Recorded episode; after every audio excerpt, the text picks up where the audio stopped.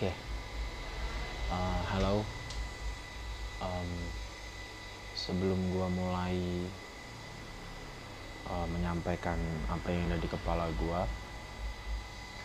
gua pengen menyampaikan rasa bela sungkawa dan rasa duka cita yang begitu dalam untuk korban kerusuhan di Stadion Kanjuruhan Malang pada tanggal 1 Oktober 2022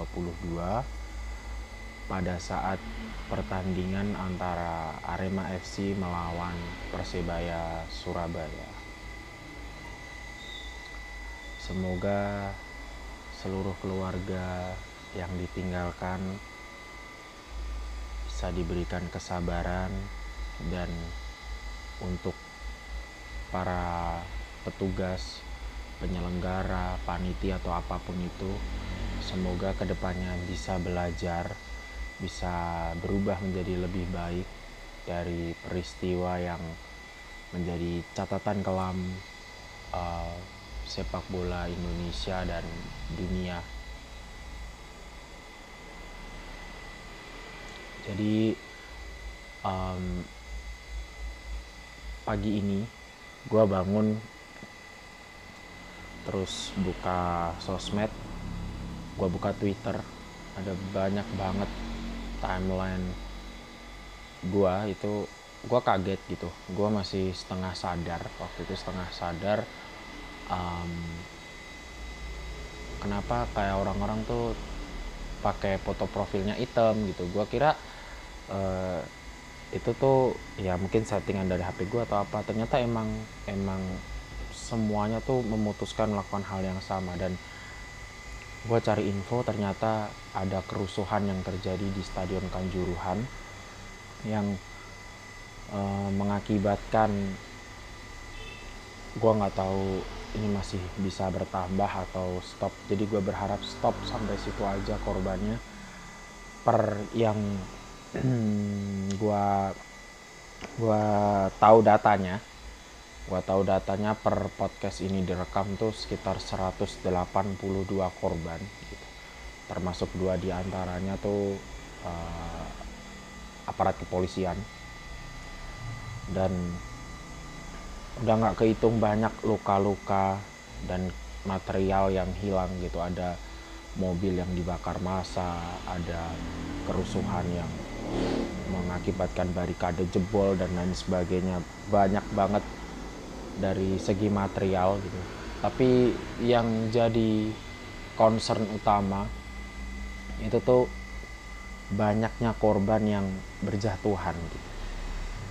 Dan dari kronologi yang yang ada gitu dari beberapa fakta yang dilemparkan oleh orang-orang di timeline sosial media dan udah diketahui itu valid gitu. Bahwa uh, itu tuh diakibatkan karena petugas dalam hal ini kepolisian itu tuh menembakkan gas air mata ke arah tribun. Menembakkan gas air mata ke arah tribun yang menyebabkan uh, ya ya gas air mata gitu ditembakkan ke tribun dan itu tuh mengakibatkan orang-orang tuh pada desek-desekan. Ya kebanyakan yang meninggal adalah mereka yang kehilangan keseimbangan jatuh terus terinjak-injak. Ada juga yang sesek gitu karena gas air mata gitu loh. Maksud gue gas air mata tuh kalau kena mata juga pedes kayaknya kata pedes tuh nggak cukup untuk mendeskripsikan ini dilihat dari gua gua gua sendiri belum pernah kena gas air mata tapi dilihat dari beberapa orang yang kena efeknya gitu. itu jelas pedes dan sesek gitu di dada. Karena uh, apa ya? Ya otomatis gas ini kan dibuat untuk menetralkan massa gitu. Tapi uh, massa yang ada gitu itu tuh uh, mereka tuh dalam posisi yang terjepit gitu. Jadi ketika mereka mau keluar dari stadion dari stadion itu tuh posisi terkunci kan karena itu sebenarnya masih masih apa ya selang beberapa menit setelah pertandingan selesai gitu. Dan itu tuh akhirnya menyebabkan orang tuh karena menghindari gas air mata gitu. Jadi orang-orang tuh pada berhimpitan untuk keluar gitu. Dan itu benar-benar sangat menyakitkan. Dilihat dari dari banyak ya banyaknya video yang berseliweran gitu di timeline. Banyak nggak sedikit korban dari anak-anak gitu. Anak-anak yang jadi korban dalam kerusuhan ini gitu bahkan tadi uh, eh, gue lihat ada balita gitu. Dia umurnya 2 tahun. Harus jadi korban. Tadi gue lihat statusnya sih masih kosong. Gue nggak tahu itu itu meninggal atau gimana. Tapi yang jelas untuk anak sekecil itu jadi korban kerusuhan. Dan banyak banget fakta-fakta mengejutkan yang yang gue baca gitu. Bahwa ternyata gitu ternyata sebelum kejadian itu tuh uh, panitia penyelenggara dari Arem, perwakilan dari Arema dan uh, kepolisian gitu itu tuh udah mengajukan untuk perubahan jadwal kick off yang sebelumnya jam 8 malam itu tuh diajuin ke setengah empat kalau gue salah. Jadi sore gitu loh jadi majuan dikit karena ya untuk memudahkan pengamanan gitu. Dan uh, dari teman-teman Surabaya juga uh, udah sepakat untuk uh, membatasi. Gue nggak tahu uh, itu di sana nggak ada sama sekali atau gimana yang jelas udah ada pembatasan untuk uh, mobilisasi supporter dari uh, Persebaya gitu. Nah, terus uh, balik lagi ke yang tadi bahwa Arema sama dari kepolisian itu tuh udah mengajukan uh, uh, pergantian jadwal kick off gitu. Dan ini sih yang lebih yang bangsatnya sih uh, dari PSSI dan PT Liga itu tuh tidak menyetujui usulan itu. Jadi kick off tuh tetap harus ditayangkan jam 8 malam. Jam prime time, jam di mana seharusnya kayaknya sepak bola di sini tuh emang harusnya nggak usah malam gitu loh karena ya susah gitu loh banyak banget kejadian yang udah udah-udah tuh kayak sepak bola malam gitu kayak pemain kelelahan, supporter juga kelelahan, banyak banget kerugian yang didapat. Tapi ya mereka mengabaikan itu demi mengejar prime time dan rating. Keren gak sih? Kayak mereka mengabaikan itu dan mereka nggak pernah nggak pernah berusaha untuk mengadakan diskusi atau apa. Dan um, yang gua heran lagi gitu, bahwa ini Arema dan kepolisian udah sepakat untuk mengajukan jadwal uh, uh, apa jadwal untuk pergantian jam kick off gitu. Tapi kenapa izinnya itu masih turun gitu loh? Izin dari kepolisian tuh masih turun padahal mereka udah menyatakan untuk ayolah diganti aja jamnya gitu.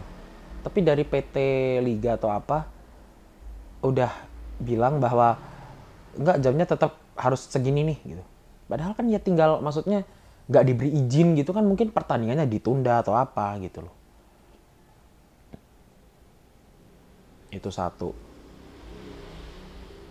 Yang kedua dari pihak kepolisian. Dari pihak kepolisian itu tuh ngebawa gas air mata. Gas air mata itu tertuang dalam pasal 19 kalau gua nggak salah. Dalam aturan FIFA itu tuh gas air mata tuh nggak boleh gitu. Dalam stadium tuh nggak boleh.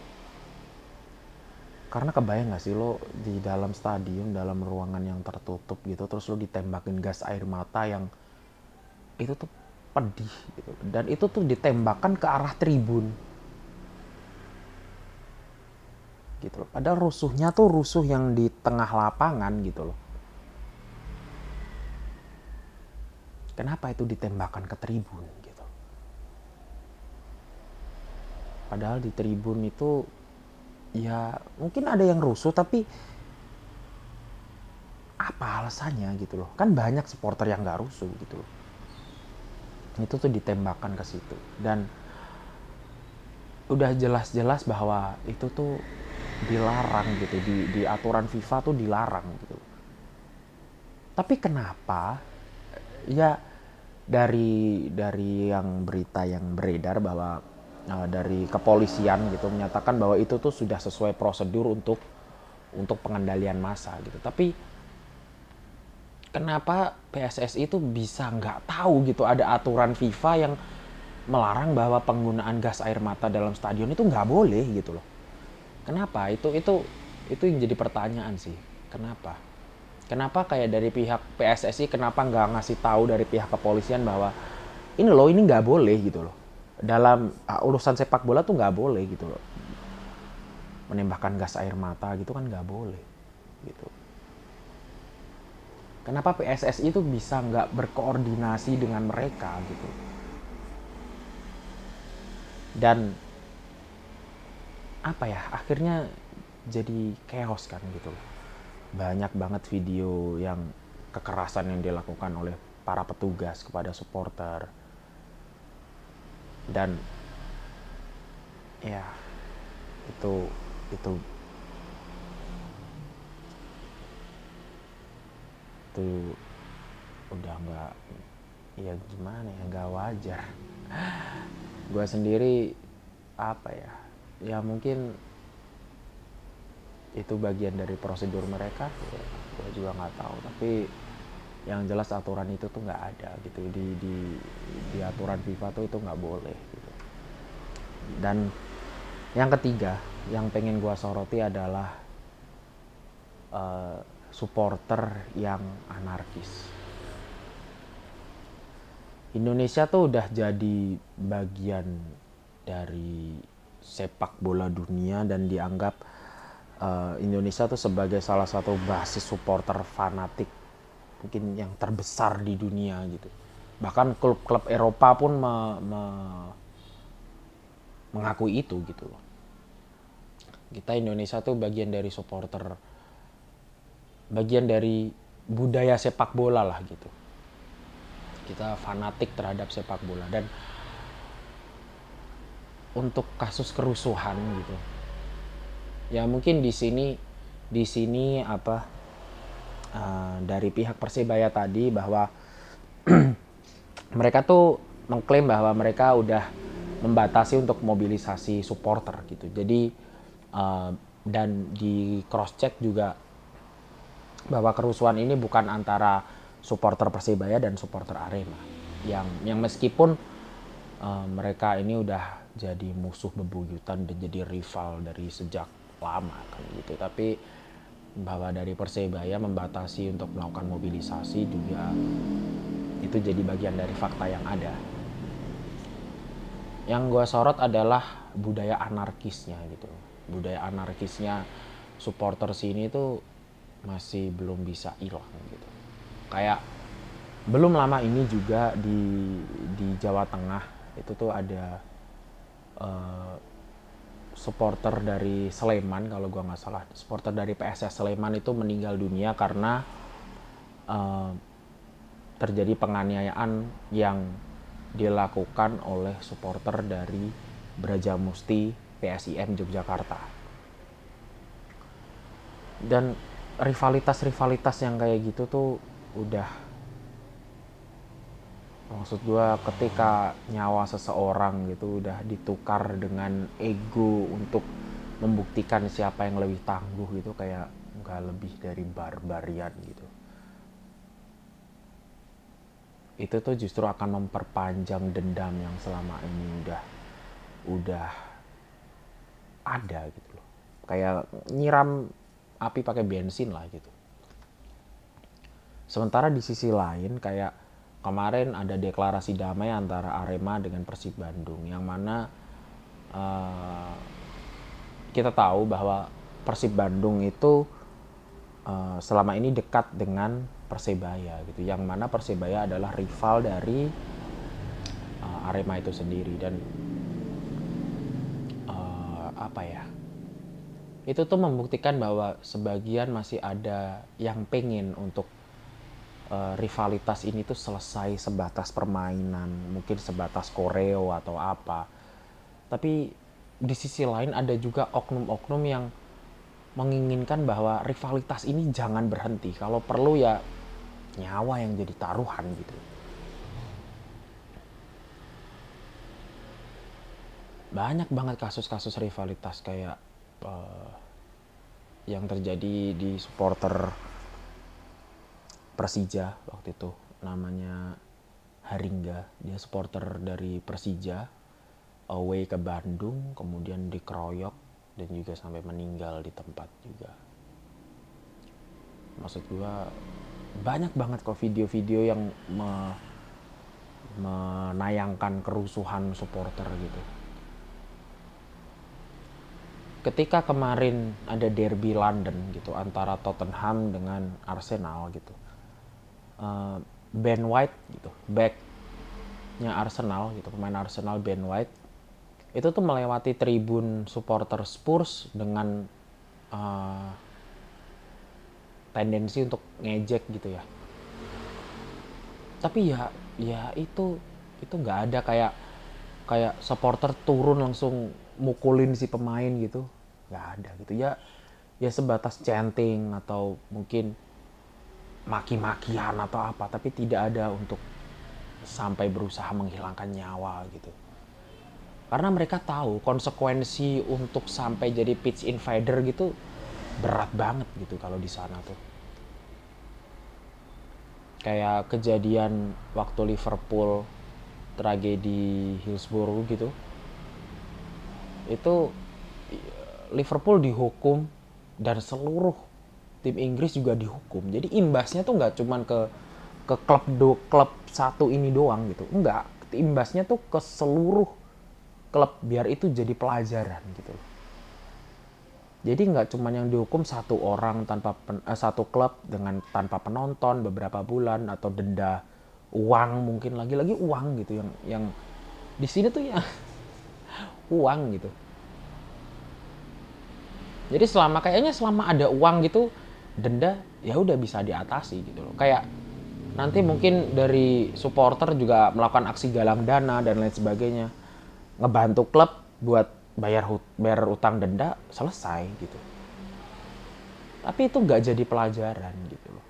Dulu seluruh klub Inggris dilarang untuk berkompetisi gitu.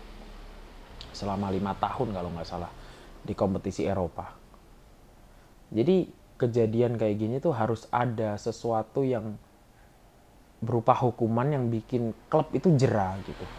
Karena ya balik lagi ke slogan yang udah jadi jadi apa ya? Jadi ujung tombak orang untuk berpendapat soal sepak bola tuh bahwa tidak ada nyawa yang lebih berharga dari sepak bola gitu. Sepak bola tidak lebih berharga dari nyawa gitu. Ya pokoknya kayak gitulah intinya tuh. Jadi nggak boleh gitu. Nyawa tuh ya semahal itu gitu loh. Itu klub lima tahun dilarang berkompetisi di Eropa tuh kerugiannya udah bukan main-main gitu. Dan itu jadi catatan kelam mereka gitu.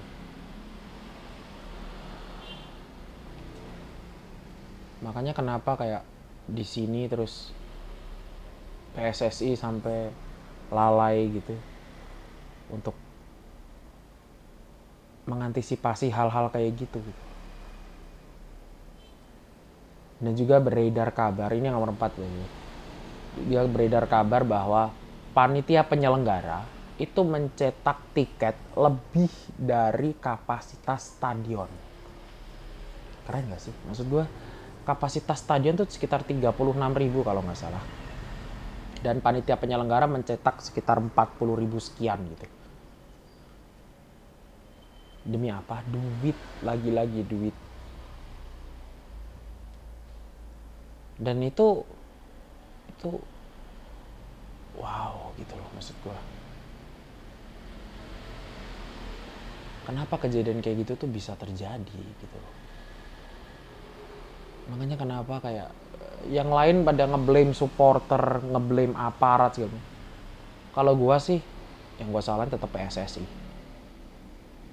karena mereka seharusnya jadi bener-bener jadi persatuan sepak bola seluruh Indonesia gitu. Maksudnya mereka yang jadi pondasi gitu loh. Kayak kerusuhan supporter gitu mereka yang harusnya menentukan hukumannya gitu loh. Bukan kayak cuman klub tuh cuma jadi ajang untuk batu loncatan buat mereka maju ke ke politik gitu loh. Kayak jadi ketua PSSI gitu terus jadiin batu loncatan untuk untuk maju ke politik gitu kan bullshit banget gitu loh maksud gua. Kayak kenapa sih kayak pengurus federasi kita tuh tidak dari orang yang kompeten gitu. Kenapa harus jadi orang-orang yang punya kepentingan dan orang yang ngasih jabatan itu punya kepentingan dengan orang yang dikasih jabatan. Kenapa harus selalu kayak gitu gitu. Kenapa harus selalu kayak gitu? Menpora kita bahkan ya ampun kayak mereka takut disanksi FIFA karena kita jadi penyelenggara Piala Dunia ya mereka takut turun sanksi dari FIFA. Ya oke okay, gitu. Maksudnya paham gitu bagaimana mereka menjadikan Piala Dunia itu sebagai batu loncatan untuk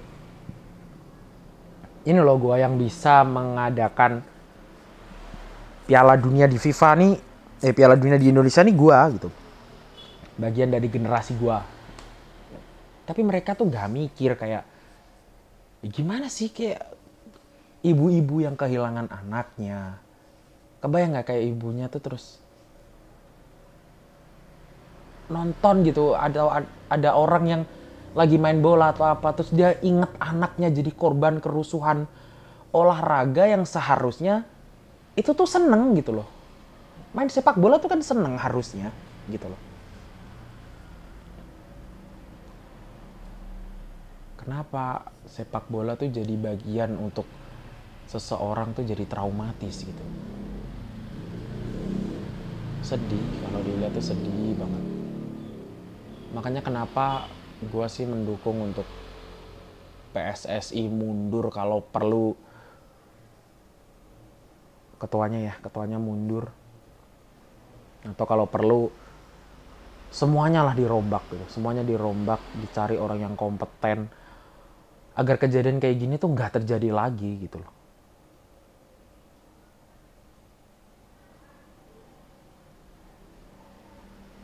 Jadi harusnya mereka bisa berkoordinasi kayak dari supporter yang fanatis, bagaimana mengamankan pertandingan gitu. Dan bagaimana mengantisipasi masa. Bagaimana mereka tuh tidak berpikir tentang uang, uang, uang dan uang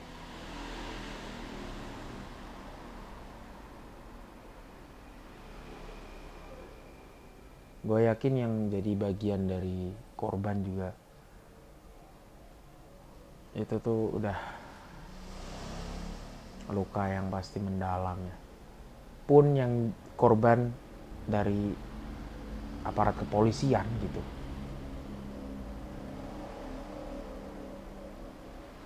Nggak ada lo korbannya dari orang PSSI gitu nggak ada. Korbannya ya dari kepolisian sama supporter mostly supporter karena supporter tidak bawa persenjataan sama sekali. Tapi kerugian dari pihak kepolisian juga nggak kalah banyak gitu. Semuanya rugi di sini. yang untung PSSI aja bahkan dari Presiden Jokowi sampai harus mengintervensi ini gitu padahal udah jelas gitu bahwa pemerintah tuh dilarang mengintervensi sepak bolanya gitu. Jadi ya di saat timnas kita tuh lagi naik-naiknya gitu orang-orang tuh vibesnya lagi pada ayolah kita nantangin Brasil ayo kita nantangin Argentina karena timnas kita udah hebat timnas kita udah maju jauh lebih baik dari sebelumnya gitu. Ada kejadian kayak gini gitu. Kenapa? gitu. Gua sangat menyayangkan hal itu sih. Yang jelas ketika semuanya harus bertanggung jawab itu tuh menurut gua cuman jadi pengalihan isu aja gitu. Maksudnya iya untuk untuk nanti kalau tanggung jawab bareng-bareng gitu kesannya kayak nggak tanggung jawab gitu mas gue kayak cenderung menyepelekan gitu. Harusnya satu pihak aja gitu. Dan menurut gue yang harusnya tanggung jawab itu PSSI karena selaku ya gini loh maksudnya mereka yang dapat duit mereka yang dapat fame segala macem. Ya harusnya mereka yang yang yang bertanggung jawab atas ini semua gitu. Kenapa mereka bisa tidak berkoordinasi dengan kepolisian, kenapa mereka bisa tidak berkoordinasi dengan PT Liga, kenapa mereka tidak berkoordinasi dengan supporter. Harusnya selalu ada insosialisasi bahwa ayo jangan anarkis, Indonesia bersatu dan lain sebagainya. Bukan dengan ikut pen press conference terus nongol di timnas katanya timnas kurang terkenal apa timnas lawan kurang terkenal atau apalah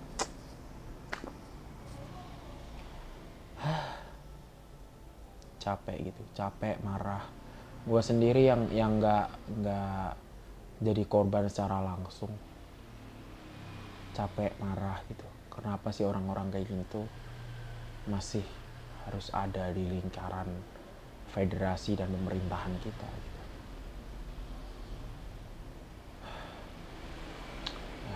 semoga semuanya lekas membaik karena ya terlepas dari dari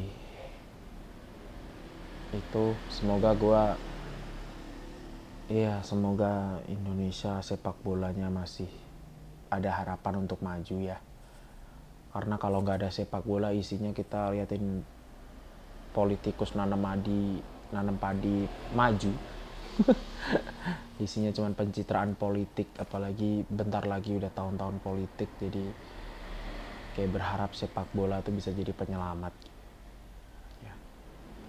sekali lagi gue sampaikan duka gue yang mendalam untuk para korban baik itu dari supporter ataupun dari pihak kepolisian semoga keluarga yang ditinggalkan diberikan ketabahan dan semoga sepak bola Indonesia kita